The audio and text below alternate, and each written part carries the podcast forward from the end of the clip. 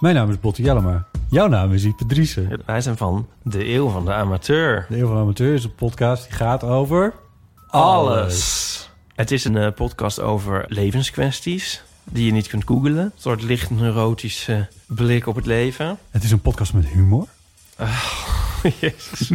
Kijk, een grapje. Die, die vragen durft te stellen en die je ook onbeantwoord durft te laten. Mooi.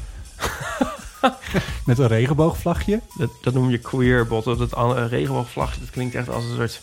Eh, ik bedoel, iedereen is welkom. Kom ons luisteren Zo in je favoriete podcast-app. Deze podcast is 100% expertisevrij en alleen geschikt voor amusementsdoeleinden. De inhoud mag dus niet worden beschouwd als financieel advies. Dit is Jong Beleggen, de podcast. Ik ben Milou. En ik ben Pim. Het is tijd voor een terugblik. Ja, wat hebben we geleerd dit jaar? En hebben we de lessen van het jaar daarvoor wel netjes toegepast? Oh, streng. Maar ja, tijd om te reflecteren. Ja, en wij hebben ook een heel klein vooruitblikje naar 2023. En nog nieuws over de podcast. Ja, nou, de laatste aflevering van 2022. Daar gaan we.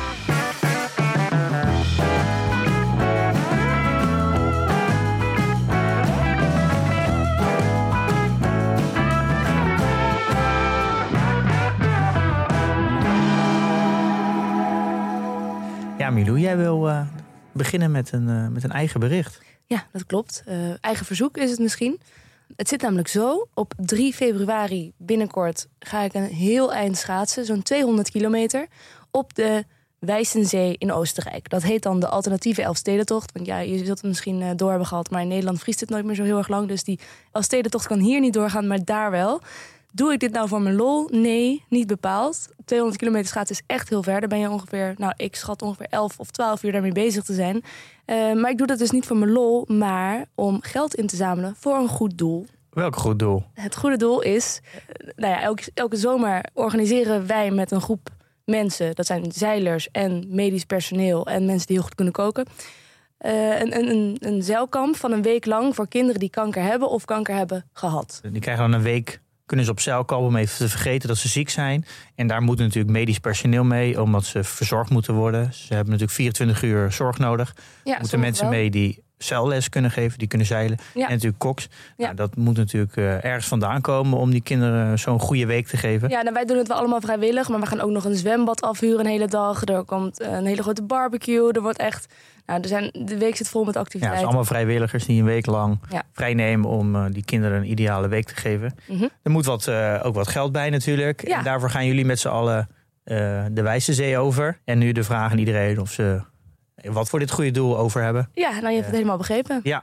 Ja. Eh, dus eh, f- ja, vind je dit een goed doel? En eh, kan je wat missen zo het einde van het jaar? Ja, nog een beetje de kerstgedachten. Ja, dus eh, we hebben een linkje in eh, de show notes en op de website. Eh, de website is denk ik geef. .nl, ja, Ja. geef.nl.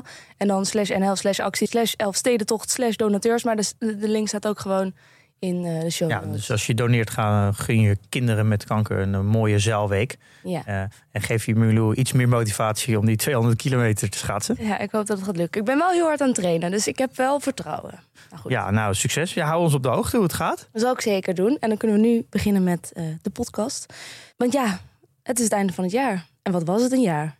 Ja, weer. Nou ja, ik heb een beetje het gevoel dat we dat elk jaar zeggen. Het is altijd een jaar, Eh, ja. Volgens mij is het al vaker herhaald. Maar we vallen een beetje met onze neus in de boter, denk ik, als eh, jonge beleggers. Mhm. 2020, 2021 en 2022. Ja. En eigenlijk stuk voor stuk allemaal hele bijzondere jaren geweest. Eigenlijk allemaal jaren waar je heel veel kan leren. Het is een beetje moeilijk om dat natuurlijk in perspectief te zetten, want je hebt nog niet zoveel meegemaakt.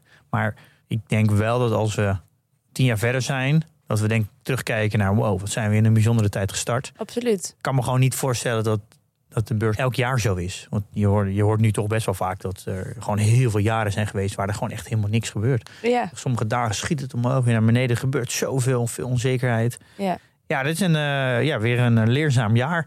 En we gaan even terugblikken ook op de lessen van vorig jaar. Hebben we ze wel toegepast? Want we doen dit nu natuurlijk al eh, voor de tweede keer. ja. Eh, en welke lessen hebben we dit jaar geleerd? En die gaan we meenemen naar volgend jaar. Ja, vorig jaar precies zo'n aflevering. En eh, het mooie natuurlijk van, van, van ons is, is dat we alles documenteren. Dus dat hebben we even kunnen terugzoeken. Ja, Wat de lessen Eh, van vorig jaar Misschien wel goed om even. In Nederland heb je 75 aandelen die beursgenoteerd zijn. Van dan die drie grote indexes. En daar zijn, daarvan is nog geen 23% van de aandelen die is in het groen geëindigd. Nou, het jaar is nog niet helemaal om, maar... En dat is eh, OCI, Frugro en Shell zijn nummer 1, 2 en 3. Nou, dat zijn natuurlijk allemaal bedrijven die, eh, die heel specifiek in een heel specifieke hoek zitten natuurlijk. Olie en eh, chemicaliën voor kunstmest. En Mhm. bodemonderzoekers, dus ook vrij gerelateerd aan olie. Dus het is natuurlijk een heel specifiek hoekje van de beurs... wat het nu heel goed doet dit jaar. Ja, Kan je nog herinneren dat we een keer een aflevering hebben gemaakt, volgens mij ook 89 uit mijn hoofd, dat het ging over die ballen. Ja. Dat we, nou, er zitten gewoon, je moet weten in welke periode beleg, want er zijn periodes waar er gewoon heel veel groene ballen in zitten. Denk 2020. Ja. Misschien ook een groot gedeelte van 2021. Mhm. Dan zit je gewoon in een, in een bucket te vissen ja. met gewoon heel veel groene ballen. Altijd prijs. Ja, bijna wel. Maar nu zitten we in, dit jaar is eigenlijk een, een bucket met heel weinig groene ballen. Ja, en heel veel rode ballen. Heel veel rode ballen. Dus ja, er zijn gewoon jaren waar het gewoon veel moeilijker is om, een, om de juiste aandelen te selecteren. Omdat het namelijk gewoon heel weinig aandelen het goed doen. Ja, de selectie is gewoon een stuk kleiner Ja, nu. die periodes veranderen gewoon. Er zijn makkelijkere periodes, maar gewoon moeilijkere periodes. Dus in het potje waar jij het net over had, er zijn eh, Shell en die andere twee bedrijven, dat zijn hier de, de groene ballen en de rest is. Nou, de Rood 23% is groen en de rest is allemaal, eh, Ja. allemaal rood. En om toch nog even het, lange termijn eh, niet te vergeten, hebben een overzicht op de website ook gezet van eh, 1928 tot en met 2022 van eh, de Amerikaanse markt. En dan wordt het groen en rood, welke jaren er allemaal groen zijn en welke jaren allemaal rood. Nou, er zijn overwegend groene jaren. Ja. En je ziet ook nog bijna na een negatief jaar dat er bijna altijd een positief jaar volgt. Ja, eh, behalve kijk, in het begin van de jaren vanaf 1929 tot 1941 was er wel echt veel rood. Ja. Maar dat is daarna eigenlijk nooit meer echt zo voorgekomen. Het lijkt erop dat het bijna steeds groener begint te worden. Ja, het is wel. Dus het, ja, als je dan uitzoomt, ja, dan zie je wel hoeveel groen er eigenlijk is. Ja, en goh, wat moeten we uitzoomen deze tijd? Want ik zat dus gisteren nog even te kijken naar hoe mijn eh, portfolio eruit zag van het afgelopen jaar. En toen dacht ik toch van, oh, daar word ik wel een beetje ongelukkig Ja, nou, van. Ik heb daar ook wel berichtjes over gekregen. Alles er rood. starten natuurlijk nu ook nieuw, nog steeds nieuwe mensen. En is- want ja, je bent nu bijna drie jaar bezig. En je, je zegt dat je eh, ongeveer 7, 7% gemiddeld per jaar. En dat heb jij niet. Ja. Ja. ja, het is natuurlijk niet letterlijk gemiddeld. Dus het is elk jaar zo. Want als je nu gaat kijken naar, naar dit overzicht van eh eh 54, 94 jaar. Dan zie je nou bijna geen enkel jaar dat tussen de 7 en 8 procent rendement heeft. Nee. Het is allemaal uitschieters eh, eh, van plus 15, maar ook gelijk naar, eh, naar min 10. Ja. Dus het gemiddelde wordt eigenlijk nooit gehaald. Het zijn altijd uitschieters. Dus ja, het kan nu net zijn dat je natuurlijk net in een periode nu start waar het even wat minder is. Ja. Dus de lange termijn is, is heel erg belangrijk. Ja, het is een fijn plaatje om even naar te kijken, mocht je je zorgen maken. Dus, eh, Ehm, ja, en het was natuurlijk ook een jaar waarin je wel echt kon onderscheiden. Als je dus er echt, eh, als jij er wel die groene ballen uit wist ja, vissen. ik denk dat het überhaupt wel een moeilijk jaar is voor long only. Als je alleen maar long gaat, dus alleen maar voor eh, positief rendement gaat, dan is het wel lastig. Als je natuurlijk ook een ja, meer mixed portfolio hebt, dus je doet ook short of puts, dus ja, dat je ook kan profiteren als de beurs naar beneden gaat. Ja, Dan had je natuurlijk wel wat meer mogelijkheden, want het ging, over het algemeen ging 75% naar beneden. Maar voor mensen die alleen maar long gaan, is het toch wel een moeilijk jaar. Want ja, het is gewoon, als je een gespreide portefeuille hebt van 20 aandelen, dan is het toch best lastig om, eh, als je al korte ritjes mee te maken. nou, als je genoeg spreiding hebt, dan is het toch best lastig om. eh, eh, want dan heb je over alle sectoren. Dan is het bijna onmogelijk dat je alle aandelen in het groen hebt. Ja, Het zou natuurlijk wel kunnen als je een bepaalde allocatie goed, goed neerzet. Ik denk dat de meeste beleggers dat niet, niet in het groen zullen eindigen. Want ze had natuurlijk wel gekund, want de beurs is wel heel erg bewegelijk geweest. Dus je daar een beetje mee gespeeld, dan had dat wel gekund. ja. Eh, al denk ik dat de meeste beleggers eh, wel in het rood zullen eindigen dit jaar. Wat is voor jou, als jij even zo terugdenkt, wat is dan het eerste wat naar binnen schiet als je denkt, dit was echt een belangrijke gebeurtenis dit jaar? Qua Nou, beurs. Ja, ik denk dat het een, een samenhang is van dat er altijd is geroepen dat inflatie tijdelijk is. Als in... eh, Nou, dus alle centrale banken die riepen constant... ja, de, de hoge inflatie is tijdelijk, is tijdelijk, is Ja. tijdelijk. En toen in één keer was het, oh, het is toch niet tijdelijk. En nu gaan we de rente keihard verhogen. En het is, in, het is volgens mij nog nooit in de geschiedenis zo hard omhoog gegaan. Het is van 25 basispunten naar 4,5% rente gegaan in een hele korte periode. En dat is dan vooral om de inflatie te drukken. Maar dat inflatie altijd tijdelijk was. En dan in één keer, in één keer niet. En dan zo agressief eh, die rente verhogen. Dat, is, dat was heel duidelijk te zien in de beurs. Ja, dat is vast voor mij nieuw. Dat rente zoveel effect heeft op de koersen. Ja, en rente is gewoon iets wat wordt bepaald door instanties. Hè? Dat is niet iets wat... Centrale wat- banken. Ja, wat, wat, wat per ongeluk gebeurt. Dus, dus dat zoiets zoveel invloed kan hebben. Dat is misschien wel de meest impactvolle gebeurtenis van het afgelopen jaar. Ja, en dat je toch wel leert. Dat is wel, vind ik wel, dat je nu bezig bent met beleggen. Leer je dat nog meer wat de gevolgen zijn van inflatie.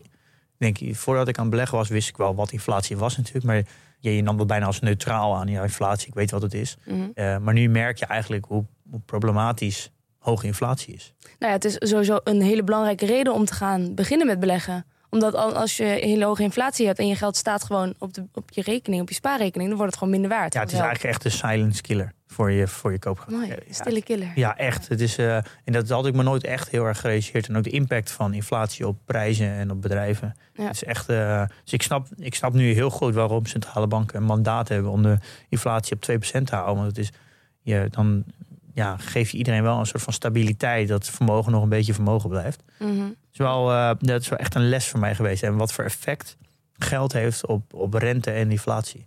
Wat voor effect geld heeft op rente? Ja, gewoon dat, dat als er rente omhoog gaat, dan is geld in de toekomst minder waard. Ja.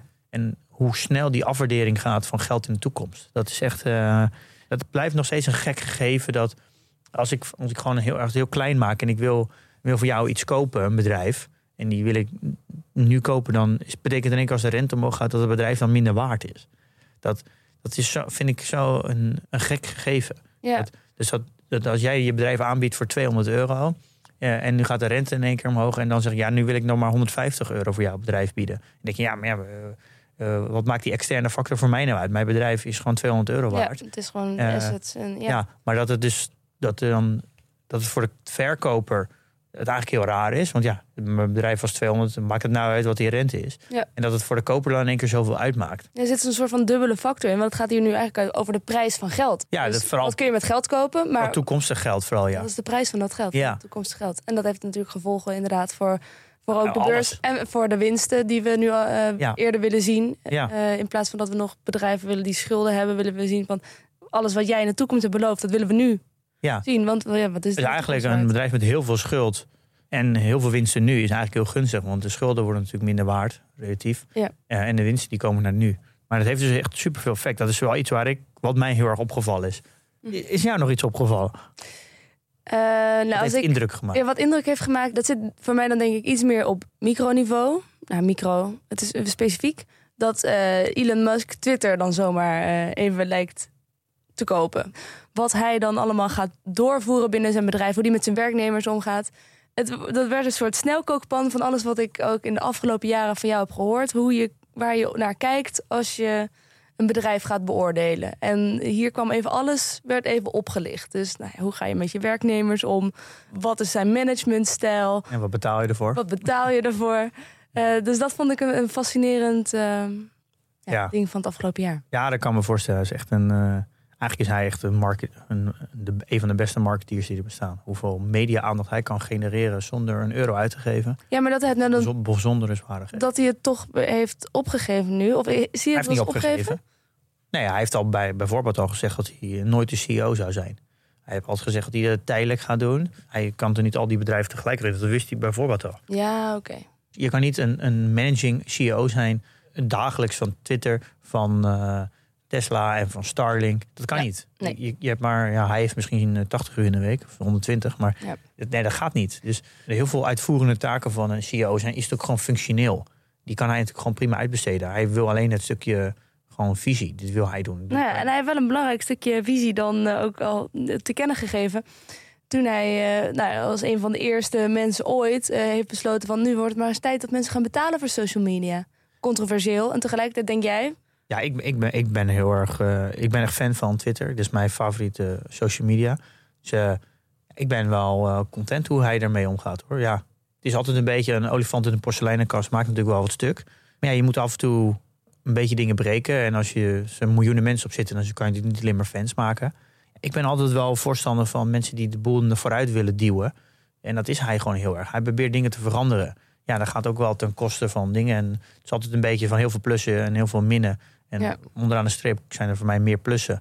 We hebben allemaal een, echt een hekel aan dat al die social media alles maar alle data van ons trekken. ja, En alleen maar advertenties. Dat is, iedereen klaagt over, maar iedereen zit erop. We kunnen ook niet meer zonder. En ik heb steeds meer het idee dat hij dat model probeert te veranderen. en eh, social media betaald wil maken. En, de, en Dus degene die al dat datagedoe kan, eh, ja, ze kan, verminderen, Ja, je zelfs kan stoppen uiteindelijk. Ja. En dat de degene die het meest van profiteren van het platform, eh, dat die eh, ook het meest betalen. Ja. Ja, dat, niemand heeft dat ooit geprobeerd. En dat is eigenlijk een hele logische gedachte. Want bij Apple moet je ook 30% van je omzet afstaan als je op hun ja, infrastructuur een app lanceert. Ja. Maar dat werkt bij bol.com ook. Als je daar, of bij eh, Just Eat, als je daar je restaurant zit, moet je ook een fee betalen. Je betaalt gewoon over de, voor de digitale snelweg die zij hebben gemaakt. En je betalen Dus- natuurlijk sowieso al, maar dus dan met een ander betaalmiddel. Maar misschien is het wel inderdaad een positief Ja, maar als we met geld gaan betalen. Dus ik, ja, ik ben daar wel fan van. Dan dat worden we klanten in plaats van gebruikers. proberen. En ja, dat zijn toch altijd de, de mensen die dingen, die echt industrieën proberen te veranderen. Die gaan, dat zit altijd heel veel weerstand in Ja. natuurlijk. Dus ik, ja, ik ben daar wel fan van. En eh, zijn stijl van heel... eh, ik vind het gewoon knap dat je een bedrijf wat al zo lang bestaat... wat zoveel aandacht krijgt, dat je, dat, dat je zo snel dingen kan testen.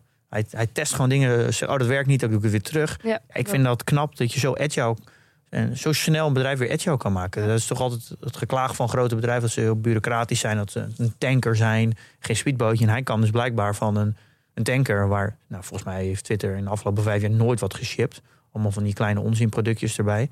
En nu in één keer komt iemand anders aan het roer en Ja. het is gewoon één grote speedboot geworden. Ja, ik vind dat knap dat je dat kan. Ja.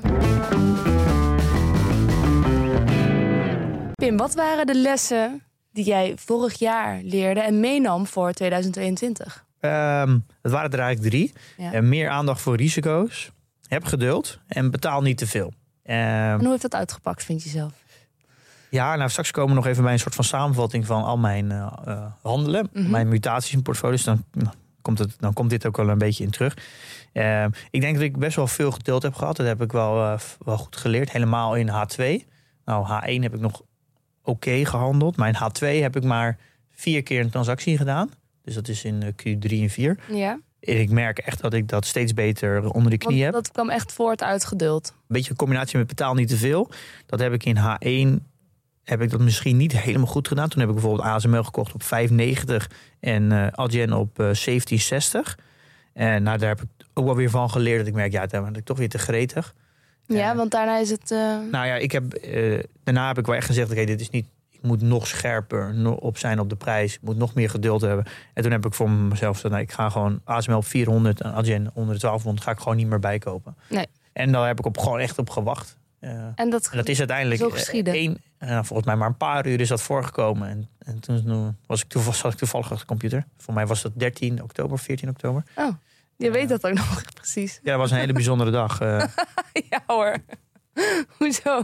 ja, omdat namelijk toen Een hele de, speciale dag. ja, toen reageerde de beurs heel raar. Uh, voor Oh. mij ging ASML toen echt iets van 10% naar beneden. En die eindigde de, de dag volgens mij in het groen. Het was een hele, hele rare Ja, dag. ik dacht dat het voor jou een hele bijzondere dag was, omdat het gelukt was. Maar het was echt een rare dag op de beurs. Ik snap Ja, het. ja. Ja.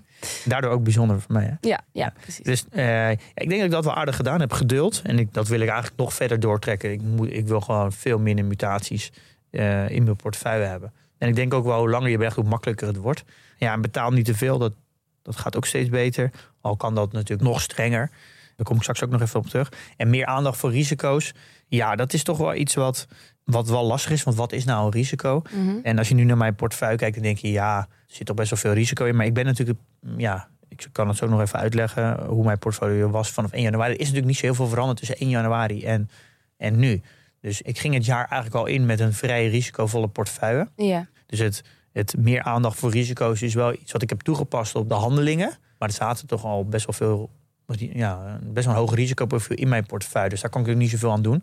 Dan had ik natuurlijk voor 1 januari mijn hele portefeuille moeten gaan eh, switchen. ja. En wat ik wel geleerd heb was vorig jaar, dat ik ja, niet meer grote wijzigingen ga doen. Eh, wat ik natuurlijk in het verleden wel heb gedaan. ja je, qua strategie. ja, flink, en dat ga ik nu niet meer doen. Dus ik, ik sluit niet uit dat ik mijn strategie over tijd wel ga veranderen. Eh, maar dat ga ik in hele rustige stapjes doen. Ja. En heel verstandig en niet meer grote swings. Daarom heb ik ook heel weinig gedaan. En dus ik wil wel overloop van tijd wil ik wel iets meer risico uit mijn portefeuille halen. Ik merk ook dat ik steeds sceptischer word over technologieaandelen. Dus eigenlijk misschien een keer voor een andere, een andere podcast. Ja. Maar ik, Ja. ik, ik ga wel langzaam mijn risico er wat meer uithalen. Maar dat, dat, gaat, dat kan niet in één jaar. Dat gaat in stapjes. Ik ben er wel steeds bewuster van geworden. Dus dat is wel, ik denk dat ik wel aardig de lessen heb toegepast. Dat het wel goede lessen zijn. Geweest. We hebben natuurlijk ook, eh, ook, ook afleveringen gemaakt over deze onderwerpen. Ja, zeker. Kunnen we even in je, in je portfolio kijken dan van, van Ja. afgelopen jaar? Ik, we hebben natuurlijk time travel nu in PDT. Ja, Dus ik kan gewoon terug naar 1 januari. Ik heb even een screenshot gemaakt op de website van 1 januari en van nu. Dus dan zie je de verschillen. En ik heb zeven posities eh, afscheid genomen. Dat is Microsoft, Shell, Alibaba, Ahold, Berkshire, Pfizer en Broadcom. Eh, en dan heb ik eigenlijk vier voor terug. En dat is T. Rowe Price, Zalando, BlackRock en eh, Deutsche Post. Dus heb ik eigenlijk eh, drie posities minder. ja. Eh, dus dat is eigenlijk, eigenlijk het enige wat ik in grote lijnen gedaan. Ik heb natuurlijk wel wat posities uitgebreid, maar dat zijn geen nieuwe, nieuwe posities. Dus ik heb, ik heb niet zo heel veel gedaan. nou, ik vind dat best veel als je zeven hebt verkocht helemaal. Ja, en vier voor terug. Ja, Dat, vind ik, dat, vind ik dat is relatief aan, aan 2020 en 2021 heel weinig. nou, dat is een verandering van elf bedrijven in je, in je portfolio. Ja, zo, zo, ja, zo kan je het zien. Maar als er natuurlijk eentje uitgaat, moet er vaak ook eentje terug. Dus Ja. dan heb je altijd al Dat twee. Samen, ja. Dat zie, je, zie ik dan eigenlijk als één. Eh, dus dan valt het eigenlijk best mee. Ja. Dus jij legt net hoe je een mutatie definieert natuurlijk. Mhm. Ehm, Ja. Dus ik vind het eh, wel meevallen. En ik heb nu een negatief rendement van 25,5 tegen de AX gross return van eh, ja, net geen 9% Dus ik doe echt op AX een goede underperformance. En op de S&P 500 in, eh, in euro, die doet 13% in de min. Mhm. En de All World doet iets minder dan 13% min. Dus dat doe ik eigenlijk op allemaal een underperformance. En dit is uit PDT gehaald, dus dit is gewogen en eh, gesimuleerd op mijn eigen gedrag. Ja. Dus niet de, de, gewoon, de gewone index. En als ik de ETF pak van de Nasdaq, dat, die zit dan niet in PDT, dus dan moet ik het dan even gewoon naar de performance kijken van die ETF, ook in euro's.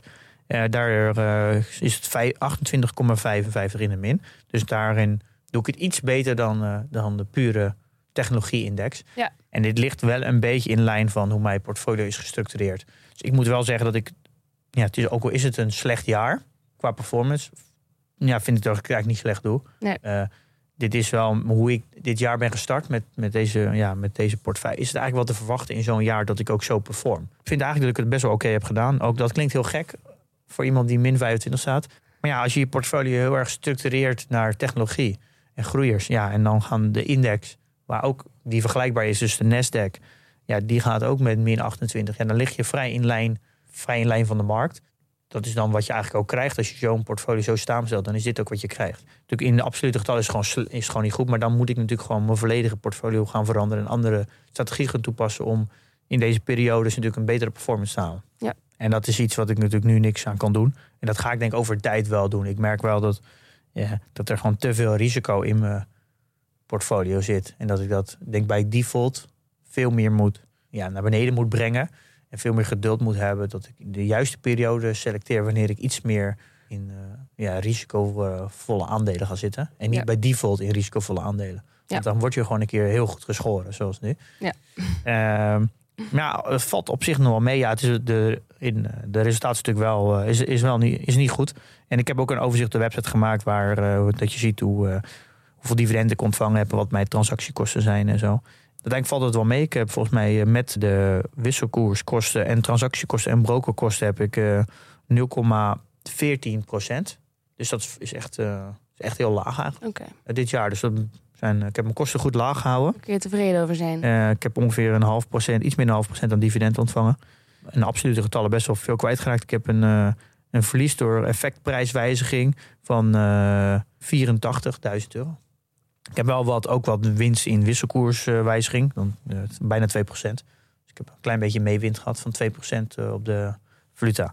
Dus ja, dat is een, eh, in absolute getallen gewoon een heel dramatisch jaar. Ja, Ehm, maar daar doen wij heel luchtig over. ja, nou ja, dat hoort er een beetje bij, hè, bij beleggen. Ja. En waar ik, iedereen heeft een waar ik wel, oké, ik ben er op zich wel oké mee, omdat het, ja, dit is wel een beetje hoe mijn, mijn portefeuille is ingericht. Ja. En ja, ik ben geen, ik ben, niet, ik ben niet min 40, min 40 gegaan, min 30, 40. Ja. Ik zit nog best wel in lijn met de markt. Ja. Daardoor ja, voel ik me eigenlijk wel oké mee. Het is natuurlijk heel, het is niet slim om nu weer over te gaan naar een hele andere strategie. Nee. Eh, het zijn, ja, de aandelen zijn natuurlijk wel goedkoper geworden, dus het zijn wel wat meer realistische waarderingen. Ja. Wij hebben veel aandelen, dus dat is natuurlijk wel, een, eh, wel fijn.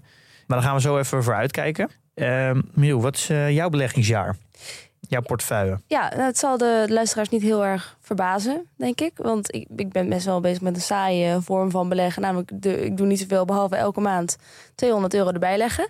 Ehm, en ik ben ook eigenlijk nog steeds heel tevreden met wat ik aan het doen ben. Dus er verandert van 2021 is er niet zoveel veranderd naar 2022. En ook voor het komende jaar ga ik denk ik gewoon lekker door waar ik mee bezig ben. Want het gaat gewoon goed voor mij. Mijn, ik las even terug wat ik vorig jaar erover zei. Minimale inspanning, maximaal effect. Sta ik gewoon nog steeds vierkant achter. Ik vind het hartstikke leuk om met jou mee te leven. Maar eh, mijn eigen beursavonturen beperken zich nog wel echt tot ETF's. Ik heb natuurlijk in 2021, dus anderhalf jaar geleden, zoiets, eh, wel aandelen van een bedrijf gekocht, namelijk Just Eat Takeaway. En als ik daar een les uit zou trekken, dan is dat nog wel echt. Ik heb dat gekocht op 75 euro. Dat heeft het nooit meer bereikt. Ja, heb ik dan een fout gemaakt? Nou ja, ik, ik heb eigenlijk gewoon daar anderen in gevolgd. Ik heb vooral jou daarin gevolgd. Ik dacht, Just Eat Takeaway, nou, het zal wel goed zijn. En je bent zo enthousiast. Uh, dus ik heb dat gewoon uitgeprobeerd. Maar dat is natuurlijk nooit een, een motief om iets te kopen. Van ja, iemand anders doet het ook.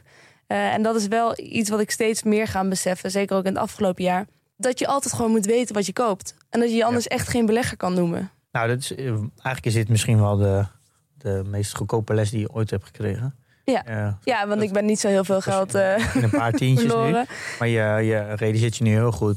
Misschien heb je nu ook extreem veel weerstand gecreëerd of een, een dikke huid gecreëerd. Dat als, als je ooit iemand in je toekomst jou nog tips gaat geven of ergens inpraat, dat je dan altijd aan dit moment herinnert. Ja. Dat je daar niet gevoelig voor bent. En dat Nou, gaat je misschien in de toekomst eh, een hoop Ik- ellende besparen. Ik ben daar niet zo gevoelig voor. En ook dat ik nog nooit in de crypto ben gestapt. Nou, daar heb ik ook tot nu toe echt absoluut geen spijt van. Nou, je ziet dat platform, dat stort ook laatst weer in. Ja, eh, ik ga gewoon niet meer iets kopen wat ik niet snap. Eh, ja, dat is natuurlijk een hele goede regel om jezelf onwijs te beschermen. Ja, dat denk ik dus ook. Zolang ik het niet begrijp, koop ik het niet. Dan koop je bijna niks. En dat is natuurlijk juist heel gunstig. Ja. Precies. Nou, je doet het hartstikke goed. Goed dat je ook ben, lekker door bent eh, gaan deze jaar. Ja. En lekker zo doorgaan. Ja, ga ik zeker doen. Ik ga misschien wel iets terugzakken in wat ik maandelijks inleg. Dat mijn inkomsten iets minder rooskleurig zijn dan eh, vorig jaar. Ehm, en is ja, net een jammer moment, wel, omdat die beurs nu juist zo lekker laag staat. Dat ik, maar Ja, maar ja, je, het is ook gewoon een realiteit. het is de Eh, realiteit. En ik denk wel goed is dat je gewoon door blijft gaan. Het- Ja. Je kan veel beter eh, je bedrag iets verlagen, maar wel gewoon dat ritme aanhouden. Dan eh het bedrag niet stoppen. verlagen en dan gewoon een tijd stoppen. Ja. Dus, eh, dat ritme is gewoon veel belangrijker dan, dan het bedrag. ja, nou precies dat. Dus eh, ja, goed, eh, goed. Ja, lijkt me een verstandig eh, les. Dat dacht ik.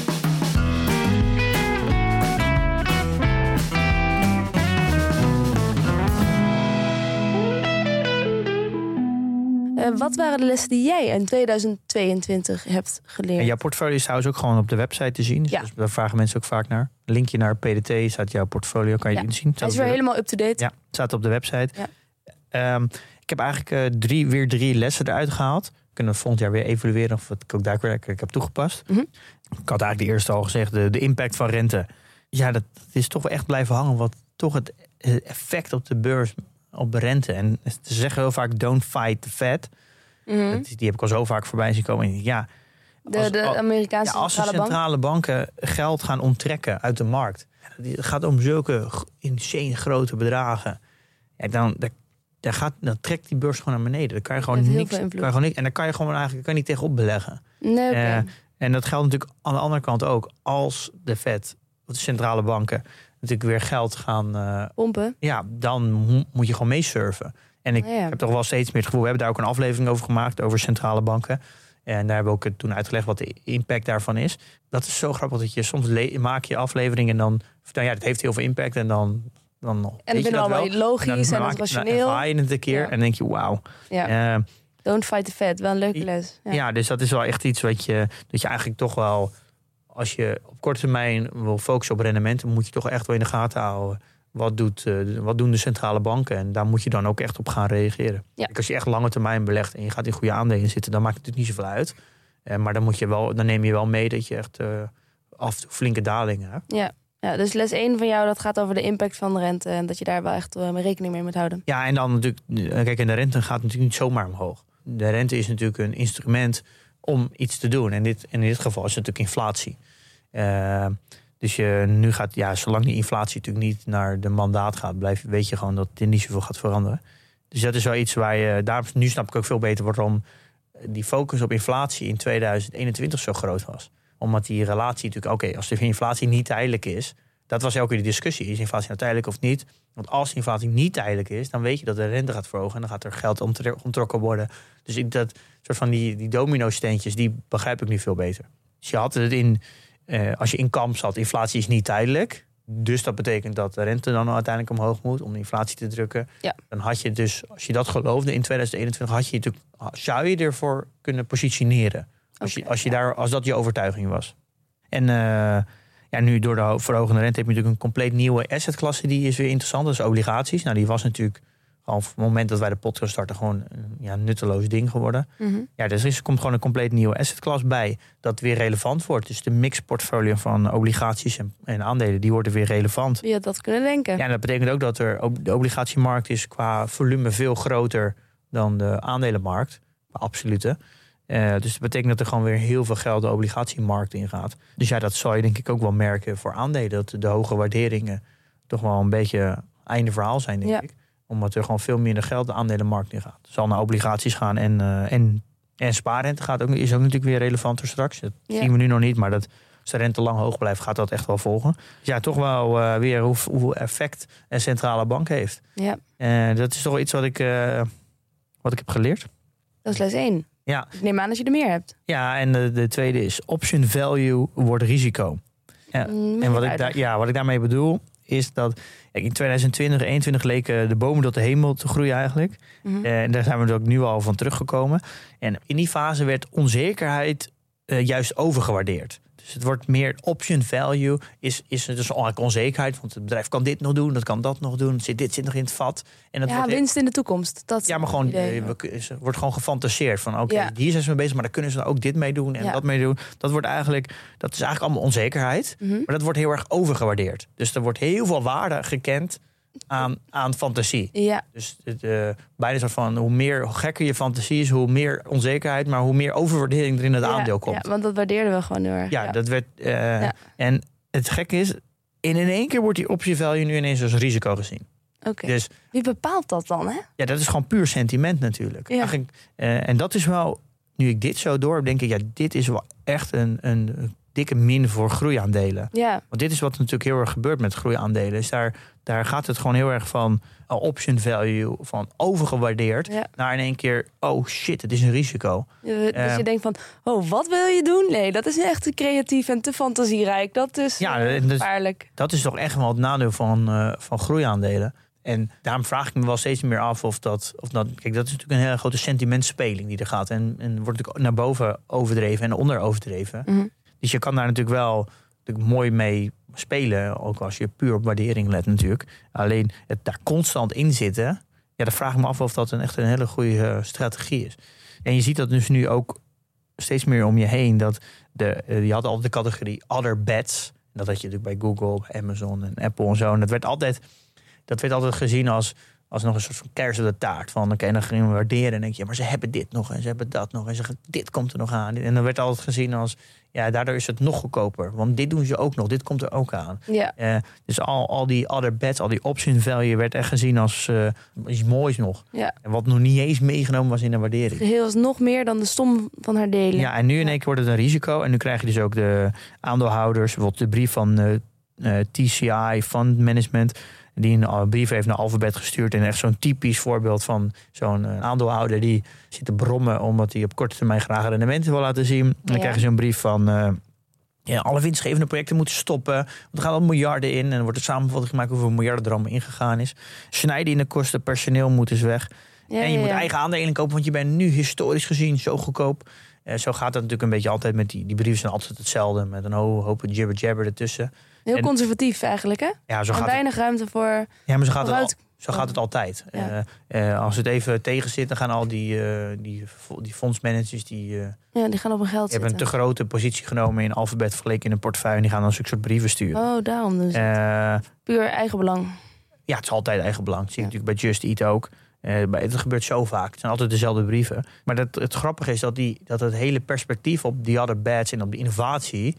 dat innovatie kon, eh, het moest meer innoveren, meer innoveren. En nu Ja. in één keer moet, is het allemaal niet meer goed. Dus dit, Ehm. dit allemaal dan gegeven, wat is dan de les die jij daaruit trekt?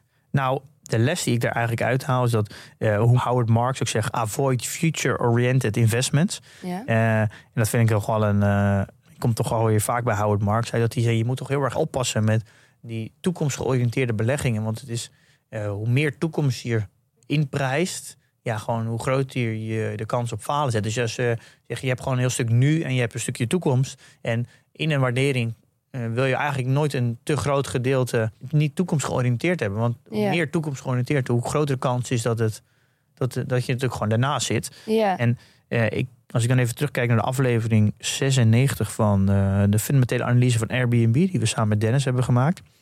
En daar hebben we het eigenlijk wel heel mooi gedaan. Daar hebben we natuurlijk de, de fair value uitgewerkt en hebben we gezien wat er, hoeveel omzet er naar sales en marketing gaat en, en eh, product en development, hoeveel procent en zo. Mhm. En daarna hebben we een eh, schatting gemaakt wat, eh, wat voor marges gaan maken, wat de omzetgroei gaat. En dan komen we op een fair value uit van 144. Ja. En dan gaan we over in analyses. En dan staat ook, eh, hebben we ook uitgeschreven dat ja, dat, dat is in principe wel mogelijk. Maar we weten niet of er of 60 miljard omzet überhaupt ooit haalbaar zit. En misschien niet een plafond op dit type omzet. En dan hebben we die marges die we mee berekend hebben vergeleken met een Microsoft en met een Alphabet en met een Meta. Zeg, ja, dat, dat zou in theorie kunnen, maar ja, dat zijn natuurlijk wel de allerbeste bedrijven. Dus misschien is het meer, eh, is, hebben we dus in scenario's. Misschien is het meer likely dat de omzet misschien maar naar 40 miljard gaan. Oh, dat betekent dat we in één keer het bedrijf nog maar 100 euro waarderen. Ja, En als ja. de marges niet van 37 maar naar 20% gaan, wat nog steeds heel netjes is, dan gaan, zakt het in één keer naar 90 euro. Ja. En waarderen met scenario's, waarin je eigenlijk zegt, oké, dit zou in theorie kunnen, want, en dan vergelijkbare bedrijven erbij pakken en dan in scenario's uitwerken. Dat is eigenlijk een hele mooie manier om, om veel meer in te kunnen schatten hoeveel, eh, Hoeveel toekomst zit, er, is. zit er al ingeprijsd. En dat je ook veel bewuster een keuze maakt van oké, ik koop dit aandeel omdat ik namelijk dit scenario aannemelijk vind. Ja. En als het dan blijkt dat het scenario overloop van tijd niet gehaald wordt, dan heb je in principe heb je het niet fout gedaan. Het proces is goed, want je, alleen je, je, De uitkomst is dan... ja, je, hebt een bepaalde verwachting van de markt of van het bedrijf. En die is niet uitgekomen. Ja, dat gebeurt nou eenmaal. Dat, Ja. Als je 20 bedrijven hebt en je doet het op 20 bedrijven, dan gaan er gewoon altijd wel een, zeg 20, 30 Ja. bedrijven die waar je gewoon naast zit. Maar dat is natuurlijk dat is beleggen. Eh, Maar dan is je proces wel goed geweest. Alleen je aannames zijn fout geweest op welk scenario voor jou, eh, wat jij had verwacht. Het voordeel daar is, is dat als je dit zo'n hele analyse leest, er is dus niet een conclusie van kopen, verkopen of houden, wat je natuurlijk overal ziet. Maar dan is het natuurlijk een, eigenlijk een hele goede fundamentele analyse waar je ook heel, heel erg wat aan hebt. Want dan kan je dat zelf lezen en dan kan je zelf bepalen welk scenario jij zelf aannemelijk vindt. En dan kan je natuurlijk ook het bedrijf natuurlijk ook toetsen in, eh, in de kwartaalcijfers en zo en in de outlook die ze geven. Of dat in lijn zit van jouw scenario dat jij hebt gekozen. Ja. Dan kan je ook veel beter, denk je, als je dit goed doet, dan dat je ook veel beter eh, of rustiger bent als de koers flink zakt. Want als je weet dat je, dat jij een bepaalde fair value hebt berekend op bepaalde marges en bepaalde omzetgroei. En de koers zakt flink, maar de, de management geeft een outlook voor de- nog steeds voor dezelfde marges. Ja. Dan maakt het eigenlijk niet zoveel uit, want dan klopt jouw verhaal eigenlijk nog steeds. Alleen het sentiment is gewoon even wat negatiever. Ja. Eh, dus dat geeft je denk ik ook veel meer rust. Dus dat uitwerken in scenario's, en dat is wel iets wat ik denk meer moet gaan doen. Ook veel betere keuzes te maken. Want het denk je toch best wel snel, dat heb ik ook wel dat als het management zegt, we gaan deze marges maken met deze omzetgroei.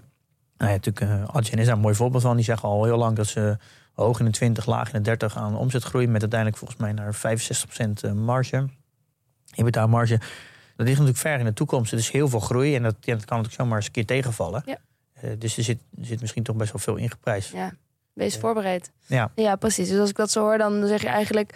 je moet heel erg letten, of in ieder geval in je proces meenemen... wat de verhouding is tussen eh, toekomst en heden in een belegging. Ja, dat is wel voor mij wel een, eh, ja, een les. Les 3. Ja, de, de cyclus is real. De cyclus is real. Ja.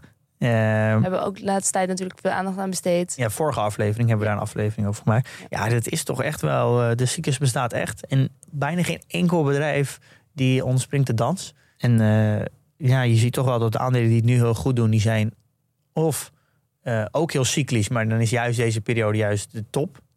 Dus die, die performen juist heel goed. Ja. Of je hebt aandelen die, die het wel oké die zijn juist non-cyclisch. En dan denk je heel erg natuurlijk aan defensieve aandelen en eh, de consumer stables en zo, een beetje die hoek. En die doen het juist ook heel goed. En dat zijn juist ook wel de bedrijven die vaak lang dividend betalen. Want een bedrijf dat 50 jaar dividend kan uitbetalen, elk jaar kan verhogen. Dat betekent eigenlijk dat je non-cyclisch bent. Want anders heb je altijd periodes gehad waar je hoogstwaarschijnlijk een dividend moet stoppen. Ja. Eh, dus de cyclische aandelen kunnen bijna nooit een lang track record hebben. Omdat het, ja, als je een jaar, twee jaar flinke winstverlaging hebt en een omzetverlaging, dan is het toch best moeilijk om je dividend in de lucht te houden. Ja. Ja, en ik merk toch wel dat er in mijn portefeuille toch bijna alles wel cyclisch is. Oh, ja. Eh, want ja, ja, Google cyclisch, natuurlijk advertenties, Amazon, webshop verkoop cyclisch. Eh, zelfs de succes zijn ook cyclisch. Ja. Dus, chips, allemaal cyclisch. Ik heb veel advertenties in chipbedrijven, allemaal, ja, allemaal cyclisch. Eh, dus ja, dat is er gewoon echt. Daar moet, ja, dat is toch wel iets waar je wat rekening mee moet houden, denk ik. Ja. Eh, helemaal met het aankopen en, het, eh, en de allocatie van, eh, de, ah, ja, van de grootte van posities. Dat is er gewoon. Ja. Nou bent het verkeerd. En weer met dit kan je ook zeggen, ja, het is nou eenmaal. En ik ga gewoon zitten geschoren worden. En het zijn fundamenteel goede bedrijven, dus ik blijf gewoon zitten.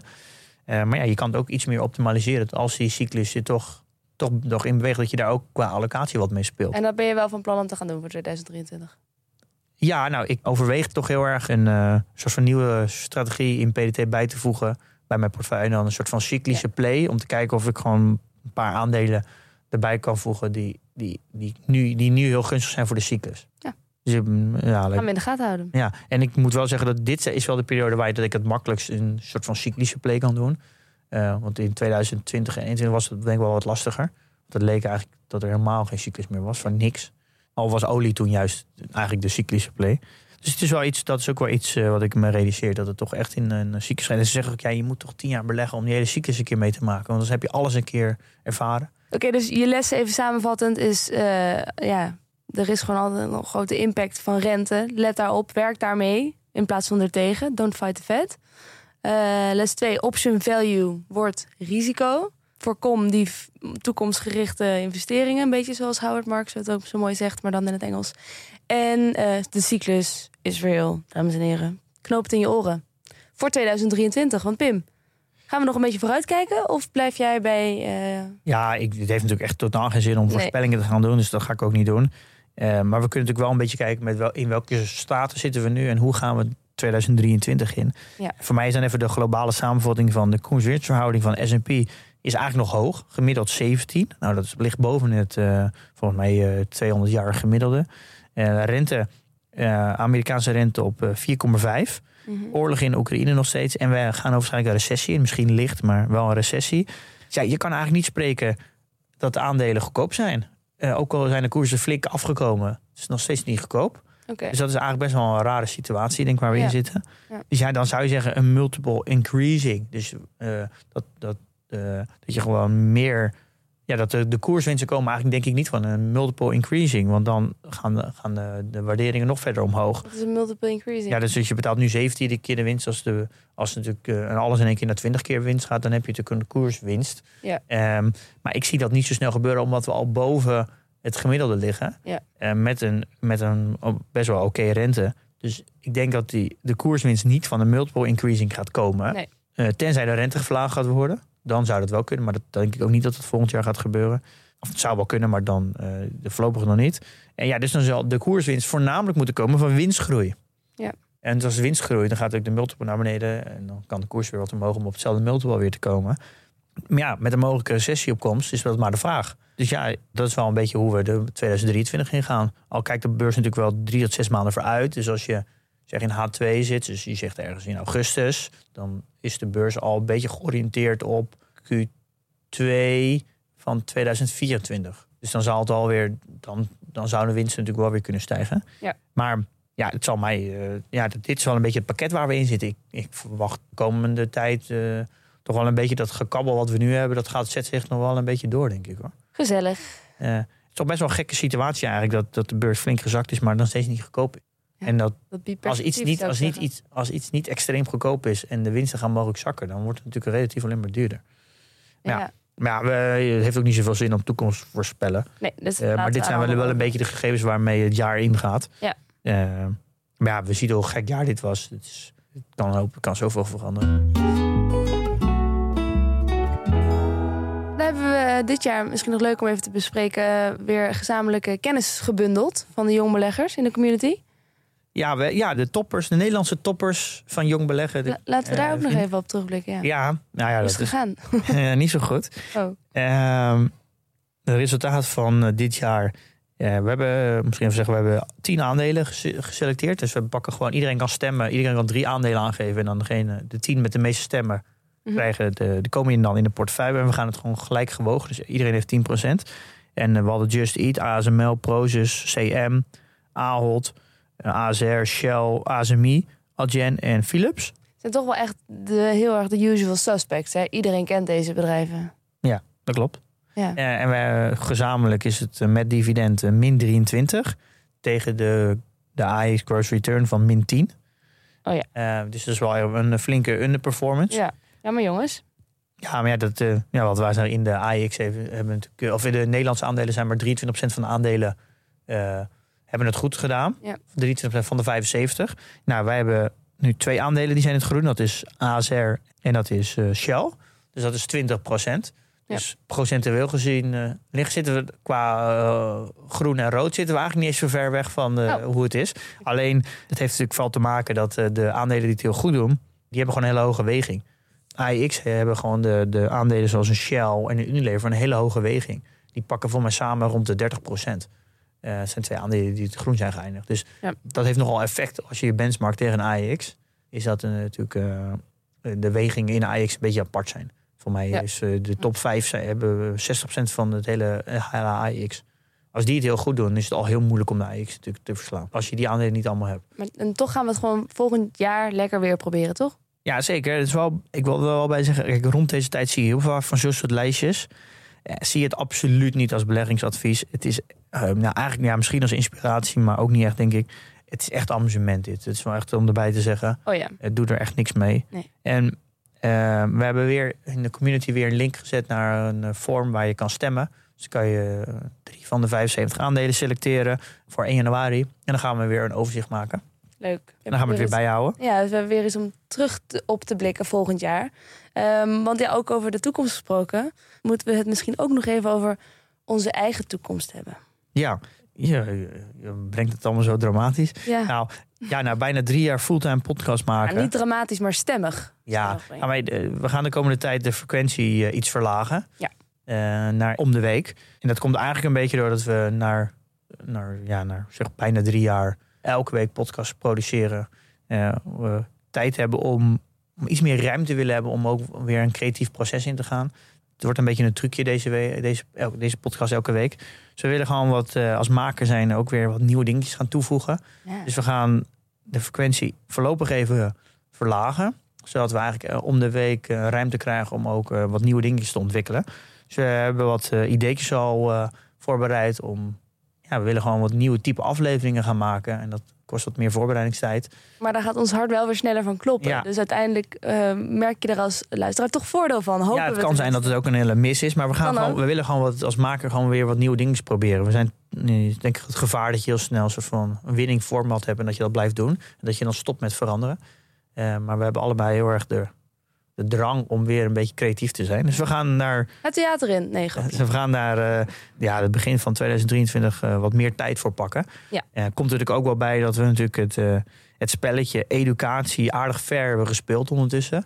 Eh, de afleveringen Ja, gaan puur om educatie wordt steeds lastiger. ja En vergt ook steeds meer eh, voorbereidingstijd. Dus meer lezen. En, eh, eh, dan ja, we willen graag de kwaliteit van afleveringen hoog houden. Ja, je hebt toch ooit eh, over die curve, hè, die learning curve gaat in het begin leer je natuurlijk heel veel, want alles is nieuw en ja, dat gaat steeds wat langzamer. Dus soms leer je niet elke week weer iets nieuws. En waar moet je dan over vertellen? Ja, dat wordt op een gegeven moment steeds lastiger natuurlijk. Ja, en iets leren kost ook meer tijd. Kost Je meer gaat tijd. steeds meer de diepte in. Ja. En ik heb wel even gevraagd in de community en op Instagram. eh, wat iedereen nou zo graag zou willen voor Jong Beleg 2023. En er kwam eigenlijk nieuws en actualiteit. Fundamentele analyse en meer over ETF's. Nou, eh, ik denk dat dat echt eh, bij jou hoort, die groep ETF-beleggers. Ja. eh, zijn fan van jou. Ja, ik, ik wil daar wel. graag meer afleveringen over, maar ik zou niet weten wat ik daarover moet maken. Dus Ik als je ideeën hebt, laat maar weten. Ja. Ja, en fundamentele analyse begrijp ik volledig. Ja, dat, is- die afleveringen van Airbnb en Spotify waren natuurlijk geweldig. Heel diepgaand, veel voorbereiding in. Dus ja, dat is natuurlijk een, een hoop van leren. Ook wel heel arbeidsintensief om zulke soort afleveringen te maken. Eh, maar ik begrijp dat wel heel goed dat natuurlijk, eh, ja, als je als als retailbelegger, als je ook nog werkt, zijn zulke afleveringen natuurlijk heel fijn. Omdat je natuurlijk gewoon eh, ja, heel veel leert van in een uurtijd van een bedrijf. Ehm, daar gaan we ook even over nadenken. En nieuws en actualiteit is ook iets wat heel veel langsgekomen. En daar ben ik zelf iets minder fan van. Maar ik moet even over nadenken. Wat meer tijd nemen om te kijken of we daar toch een draai aan kunnen geven. Wat misschien. Nou, ik vind wel dat jij altijd wel ehm, leuke originele takes op de, de realiteit hebt, op de actualiteit. En ik snap ook dat is dan iets minder tijdloze content. Maar ik vind het wel leuk om met jou daarover te praten. Maar ja, misschien hou ik dat wel privé gewoon. Ja, maar dat dan moeten we even afstand nemen van het format een beetje. Dus daar, daar gaat het een beetje over de komende tijd. Eh, Ja. Wij gaan gewoon lekker vaak om de tafel. Kijken of we nieuwe ideeën kunnen uitvoeren. Misschien gaan we wat nieuwe dingen proberen. Dus eh, het kan zijn dat je wat nieuws gaat horen. Ja, als, het niet, als het niet bevalt, moet je het gewoon laten weten. Als het wel bevalt, is het ook leuk. Eh, zo gaan we de komende tijd wat meer experimenteren. Ja, stay tuned. En eh, ja, wie weet werkt het allemaal niet. Hebben we onze creatieve tocht gemaakt. En dan vallen we gewoon weer terug in het oude format. En dat is ook oké. Ehm, ja, dan zijn we er doorheen, hè? Ja? Wil ik je nog even kort herinneren aan eh, die Elfstedentocht die ik ga schaatsen. Eh, onder de tocht schaatsen wij. Het geld, dat betaal jij. Alvast bedankt. Ja, nee, ik, eh, ik vind het heel bijzonder dat je dat doet. Dat je ook een week. eh, ja, je neemt gewoon een week vrij. eh, vrijwillig ga jij een week kinderen die, ja, die al een extreem moeilijke tijd hebben. Natuurlijk de, de ziekte, kanker hebben. Hele mooie tijd geven. Ik vind dat heel bijzonder dat je dat doet, Milou. En ook nog eens 200 kilometer gaat schaatsen voor, voor die kinderen. Dus ja, wel kleine moeite voor ons als luisteraar om, om een klein beetje te helpen. Al is het maar eh, 5 of 10 euro. Ja. Is, al, eh, is al voldoende om te helpen. Ja. Eh, Absoluut. ja, Nou, zo, het Ja. wordt erg gewaardeerd. Door heel, heel, veel bijzonder dat je dat doet, Milou. Nou, dank je. Ehm, nog wel zeggen, volgende week hebben we dus geen aflevering. Nee, En dan is het de week daarna wel. En dan vanaf dat moment gaan we dus om de week. en daar hebben we zin in. Weer nieuwe dingen doen. Ehm, in de tussentijd investeer in je kennis en beleg met beleid.